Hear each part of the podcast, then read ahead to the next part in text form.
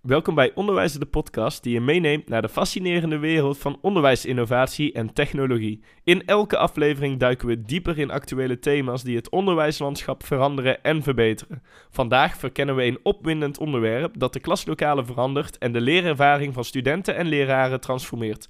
Chatbots in het onderwijs. En dat was overigens ook een intro geschreven door een chatbot. Laten we beginnen. Hallo allemaal en welkom bij deze nieuwe aflevering van Onderwijzer de podcast, waarin Kevin de Bruin en DJ Stroot van alles behandelen wat met het onderwijs te maken heeft. Ja, want chatbots in het onderwijs en dan voornamelijk ChatGPT. Iedereen heeft er ondertussen al wel eens van gehoord en ja, er is altijd wel een beetje opspraak over, want uh, iedereen ja, heel veel mensen geven aan van, oh, dit is echt de ondergang van het onderwijs, want iedereen kan alles zomaar laten schrijven door chatbots en... Uh, is Ze dat hoeven wel zelf zo? niks Ja. meer te doen. Ze leren niet meer hoe je een tekst schrijft. Ja, dus wij gaan eigenlijk vandaag een beetje verkennen of dat nou echt zo is. Want wat vind jij daarvan? Nou, eh, nu zijn wij natuurlijk wat meer gericht op het basisonderwijs. Mhm. Ehm, als je kijkt naar voordelen en nadelen van de chatbots, denk ik dat, ehm, dat je in het middelbaar onderwijs dat je er iets meer op moet gaan letten dan in het basisonderwijs. Ja. Ik denk dat de ICT-vaardigheden en ehm, dat leerlingen ook daadwerkelijk gaan denken om dit te gebruiken in het basisonderwijs nog iets lager ligt dan in het middelbaar onderwijs. ja, En daarnaast is het gewoon dat er teksten geschreven worden, daadwerkelijk met de hand. Waarbij je dus eigenlijk al rekening mee hoeft te houden dat dit niet gebruikt wordt. Ik denk dat je als je in het middelbaar onderwijs of eh, op een HBO, MBO les gaat geven, eh, dat je hier de aankomende tijd veel mee te maken krijgt. Waarbij leerlingen of studenten het echt gaan gebruiken, teksten, stukken theorie, alles hier vandaan halen. Ik weet nog niet of dat per se iets voordelig of nadelig is. Ik denk dat het plus- en minpunten heeft. Maar ik denk dat ehm, voor ons beroep specifiek ehm, wij er nog niet heel veel mee te maken gaan krijgen. ja. En dat is wat ik nu denk. Want het zou zomaar kunnen zijn dat het straks zo toegankelijk en makkelijk in gebruik is dat ook leerlingen het gaan doen. Ja, nou, ik moet. Wij hebben natuurlijk eh, een minor gedaan KLM destijds. Ja. En dat was kind leren media. En dan gingen wij eh, voor ons werkstuk, zeg maar, gingen wij onderzoek doen naar de informatievaardigheden van de leerlingen. Wij werken op school best wel veel met laptops. Maar er zijn scholen waarop er veel minder wordt gewerkt met laptops. Ja. Als ik zie hoe de leerlingen op deze school dingen opzoeken, dan denk ik dat het nog wel even duurt voordat wij last hebben van chatbots. Want ja, om heel eerlijk te zijn, vaak zodra er iets in beeld komt van maak een account aan of zo, dan is dat vaak al. Ja, dan eh, klappen ze die. Of eh, het feit dat ze een stukje tekst in het midden van de pagina willen zetten en dit doen met 300 spaties, ja. Is ook al wel iets. Ik denk inderdaad dat er dan iemand al moet zijn die ze het al zo specifiek laat zien, dat het zeg maar ja, eigenlijk al de leerkracht is die dus al dit hand, ja, heeft aangegeven, zeg maar. Mhm. Maar dat is misschien ook wel een beetje gevaarlijk wat we nu zeggen. Want je weet bijvoorbeeld dat eh, Google werkt nou eh, aan hun AI, BART of zo heet die. Google Ja. BART, weet ik veel. Ehm, en als die geïntegreerd wordt met de zoekmachine, waarbij je eerste resultaat een resultaat is die ChatGPT geeft en daarna de sites komen, dan wordt het ineens wel heel toegankelijk.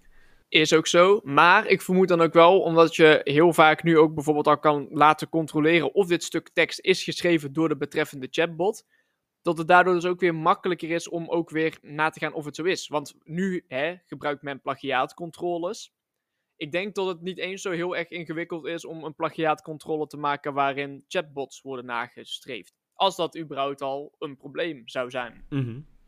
Dan kunnen we misschien ook nog even kijken naar eh, eventuele voordelen en nadelen van chatbots in het onderwijs. Want Zeker. is het wel alleen maar slecht eh, wat er nu vaak gezegd wordt in de media?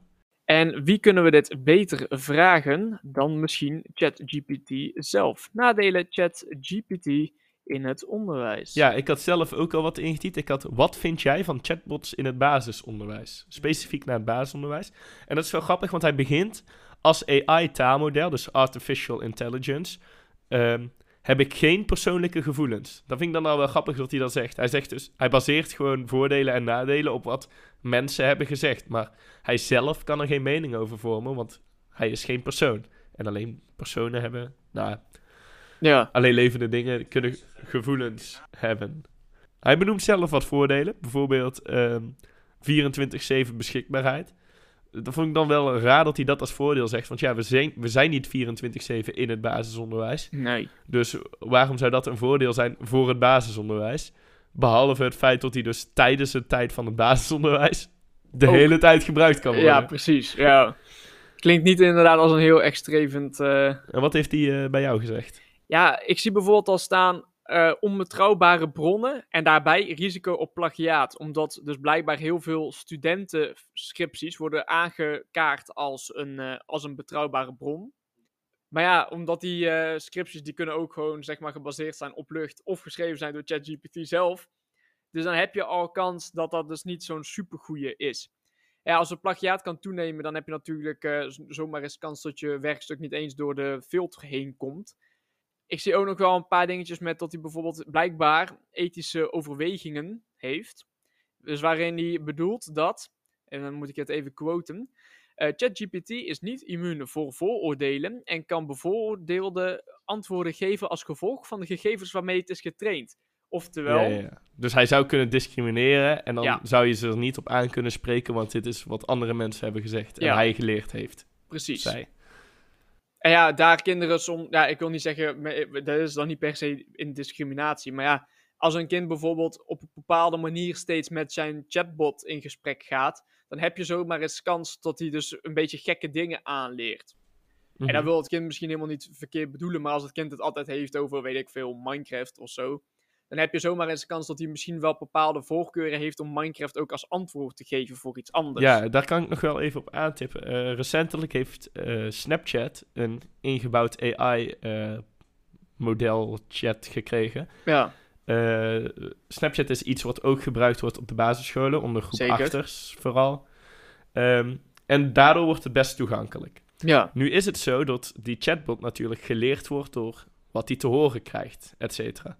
Eh, nu was het in het nieuws, en dat hebben ze volgens mij aangepast, is dat als je bijvoorbeeld met die chatbot in gesprek gaat, wat veel kinderen deden, en zeggen van, nou, zullen we vrienden worden, et cetera, dan wordt het stukje zullen we vrienden worden gelinkt met, we kunnen ook afspreken. En op een gegeven moment ging die chatbot dus aan allemaal kinderen vragen van, heb je zin om samen af te spreken? Eh, we kunnen samen naar de speel... Ja, dat waren best rare zinnen, terwijl ze eigenlijk vanuit, ja, als je gewoon van, van een, vanuit buiten daar naartoe kijkt, is het logisch. Want wanneer je met iemand vrienden wil worden, ga je samen een keer afspreken, ga je iets leuks doen. ja, precies. Maar om... Ik snap dat het voor die kinderen zo raar is dat ineens een chatbot een, een robot vraagt van... Hé, hey, zullen we hier samen afspreken? Ja, Ja, exact. dat is best ja. wel gek.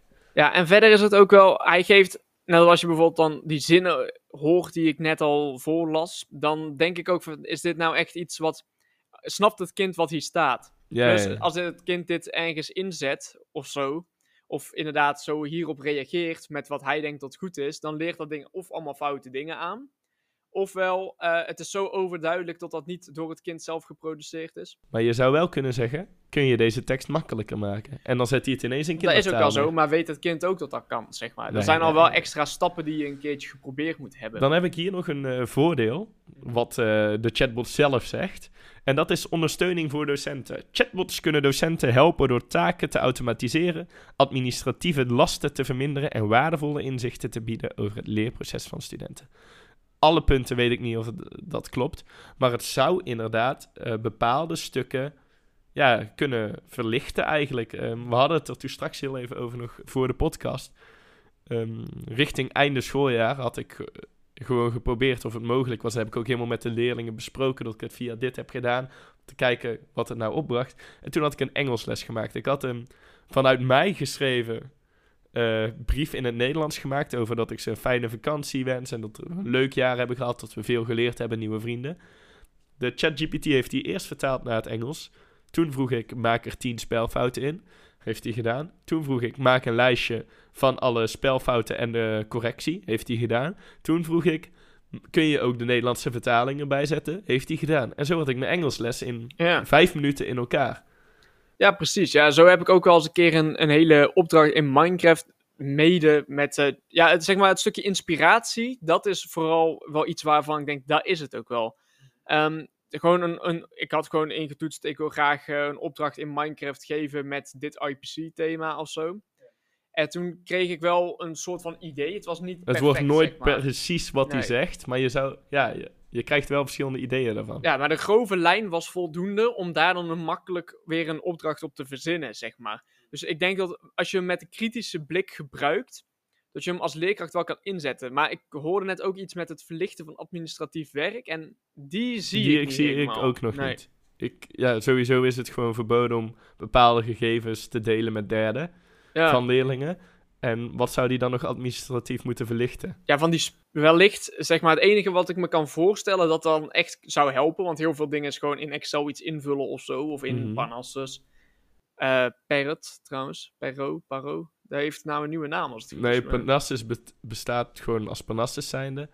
En, ehm, Dan heb je de app daarvan en die heet... eh, ja, en je kan een soort, eh, ook voor ouders is dat Paro als derde hebben, als andere partij van Parnassus Ja, zijnde. precies. En dan kunnen ze zo in... Ja. Ja. ja. Maar je moet nou wel de Paro-app inderdaad hebben, wil je je leerling absentie invullen. ja, maar die gaat dus... Daar, daar kan ChatGPT niks mee. Want Nee. die heeft daar helemaal geen toegang toe. Nee. Maar ik zou dus wel kunnen inzien tot hij bijvoorbeeld van die ja, spiegelbladen voor in een rapport schrijft of zo. Waarin zo'n ehm, zo'n leerlingblad waarin je gewoon eventjes je zegje doet met... eh, oh, eh, jij doet het zo goed op school en je, ik zie jou echt groeien dit jaar. Maar en, hoe bedoel eh, je? Want hij weet toch niet hoe goed de leerlingen het doen? Nee, maar je zou dan wel bijvoorbeeld schrijven een stukje tekst voor Chefke, die eh, afgelopen half jaar erg goed gegroeid is op spelling en eh, zo. ja, zoiets. Ja. Dus ik zou kunnen inzien dat je hem daarvoor kan gebruiken. Maar dan gaat wel een beetje die persoonlijke feeling van jou als Eh, leerkracht zijn eruit. Plus je moet dan al zoveel gegevens in gaan vullen dat je het net zo goed zelf Ja, had kunnen inderdaad. schrijven, zeg maar. Dus dan vind ik zoiets van, eh, en is dat nou zo'n verlichting? Als je voor 24 kinderen dat moet invullen in ChatGPT, dan had je het ook wel gewoon zelf kunnen typen, zeg maar. Mhm. Dus dat, ja, een stukje voor in het rapport. Maar anders zou ik het eigenlijk niet zo snel zien.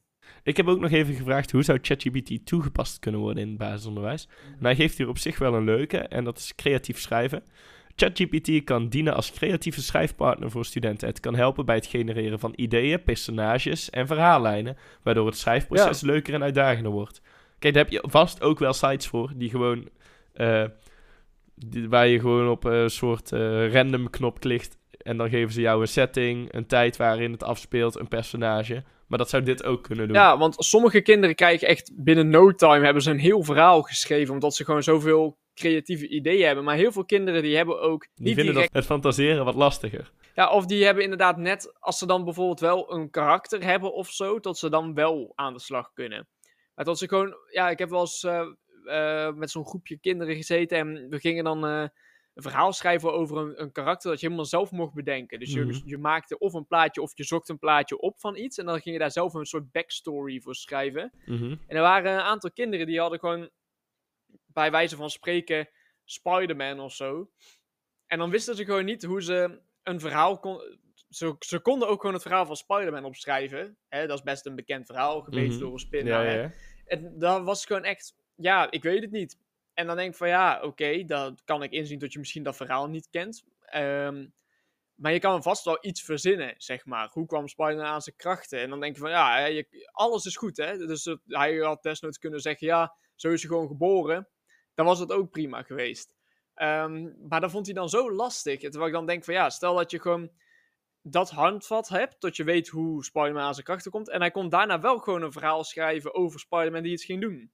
En dan denk ik van ja, is het dan zeg maar, zijn we dan, zijn we het kind aan het belemmeren omdat we hem een handvat geven? Of geven we hem dan juist de kans om juist op iets heel anders heel creatief te Mhm. zijn? Dat is wel een goeie waar je over na kan denken. Eh, ik heb net ondertussen ChatGPT gevraagd: wat kan ik doen als ik het vermoeden heb dat een leerling op, het basis, op de basisschool ChatGPT heeft gebruikt? En het grappige is, hij geeft mij zeven mogelijkheden van wat ik kan doen. Ja. En in geen een van de zeven eh, beschrijft hij eigenlijk dat ik iets met ChatGPT zelf kan checken om te verifiëren. Oké. Alles wat hij zegt gaat over buiten ChatGPT. Dus observeer de leerling, bespreek het met collega's, praat met de leerling, informeer de schoolleiding, Eh, leerlingen informeren over ethisch gebruik van technologie. Eh, implementeer controlemaatregelen. Toen dacht ik, oké, nu kan ik bijvoorbeeld zijn tekst in ChatGPT gaan zeggen. Maar dan zegt hij, overweeg om technische maatregelen te implementeren die het gebruik van AI-tools tijdens toetsen of de opdrachten beperken. Dus eigenlijk betekent dat nog steeds niks behalve uh, laat deze site niet toegankbaar zijn op de school. Ja. En uh, biedt ondersteuning aan de leerling. Dat vond ik echter wel een goede, want op het moment dat je dus het vermoeden heeft, hebt dat hij AI heeft gebruikt, zou je dus kunnen denken, hij heeft dus eigenlijk gewoon hulp nodig en die hulp heb ik hem nog niet geboden. Ja, en ja, dat is dan ook weer zo'n dingetje. En ik moest er net ook weer terug gaan denken van, waar, want eigenlijk doen alles uh, wat de leerlingen bij ons op school doen, in het basisonderwijs vooral, is dan toch alles wat zeg maar echt meetelt voor punten en voor groei en voor niveauwaardes. Mm. Dat is eigenlijk toch allemaal ofwel op papier of iets waar je in zo'n beveiligde omgeving. Ja. Ja, ja, En op de middelbare school, in ieder geval toen ik daar zat, toen had je niet echt zeg maar toetsen waar je ChatGPT voor zou kunnen inzetten. Want alles was op papier. Ja, of het was zeg maar geen gigantische vragenlijst. Nou, wij moesten wel bepaalde boekverslagen uittypen. En als ik zo terugkijk, zou ik, dat, zou ik daar wel dit voor hebben kunnen gebruikt. Ja, wij, wij, hadden op zich wel wat, maar wij hadden vaak meer een boekpresentatie. En dan kun je het wel laten schrijven, maar je moet het dan toch nog vertellen, zeg ja, maar. dat is anders. Dus al met al denk ik van ja, wat is dan uh, je doel?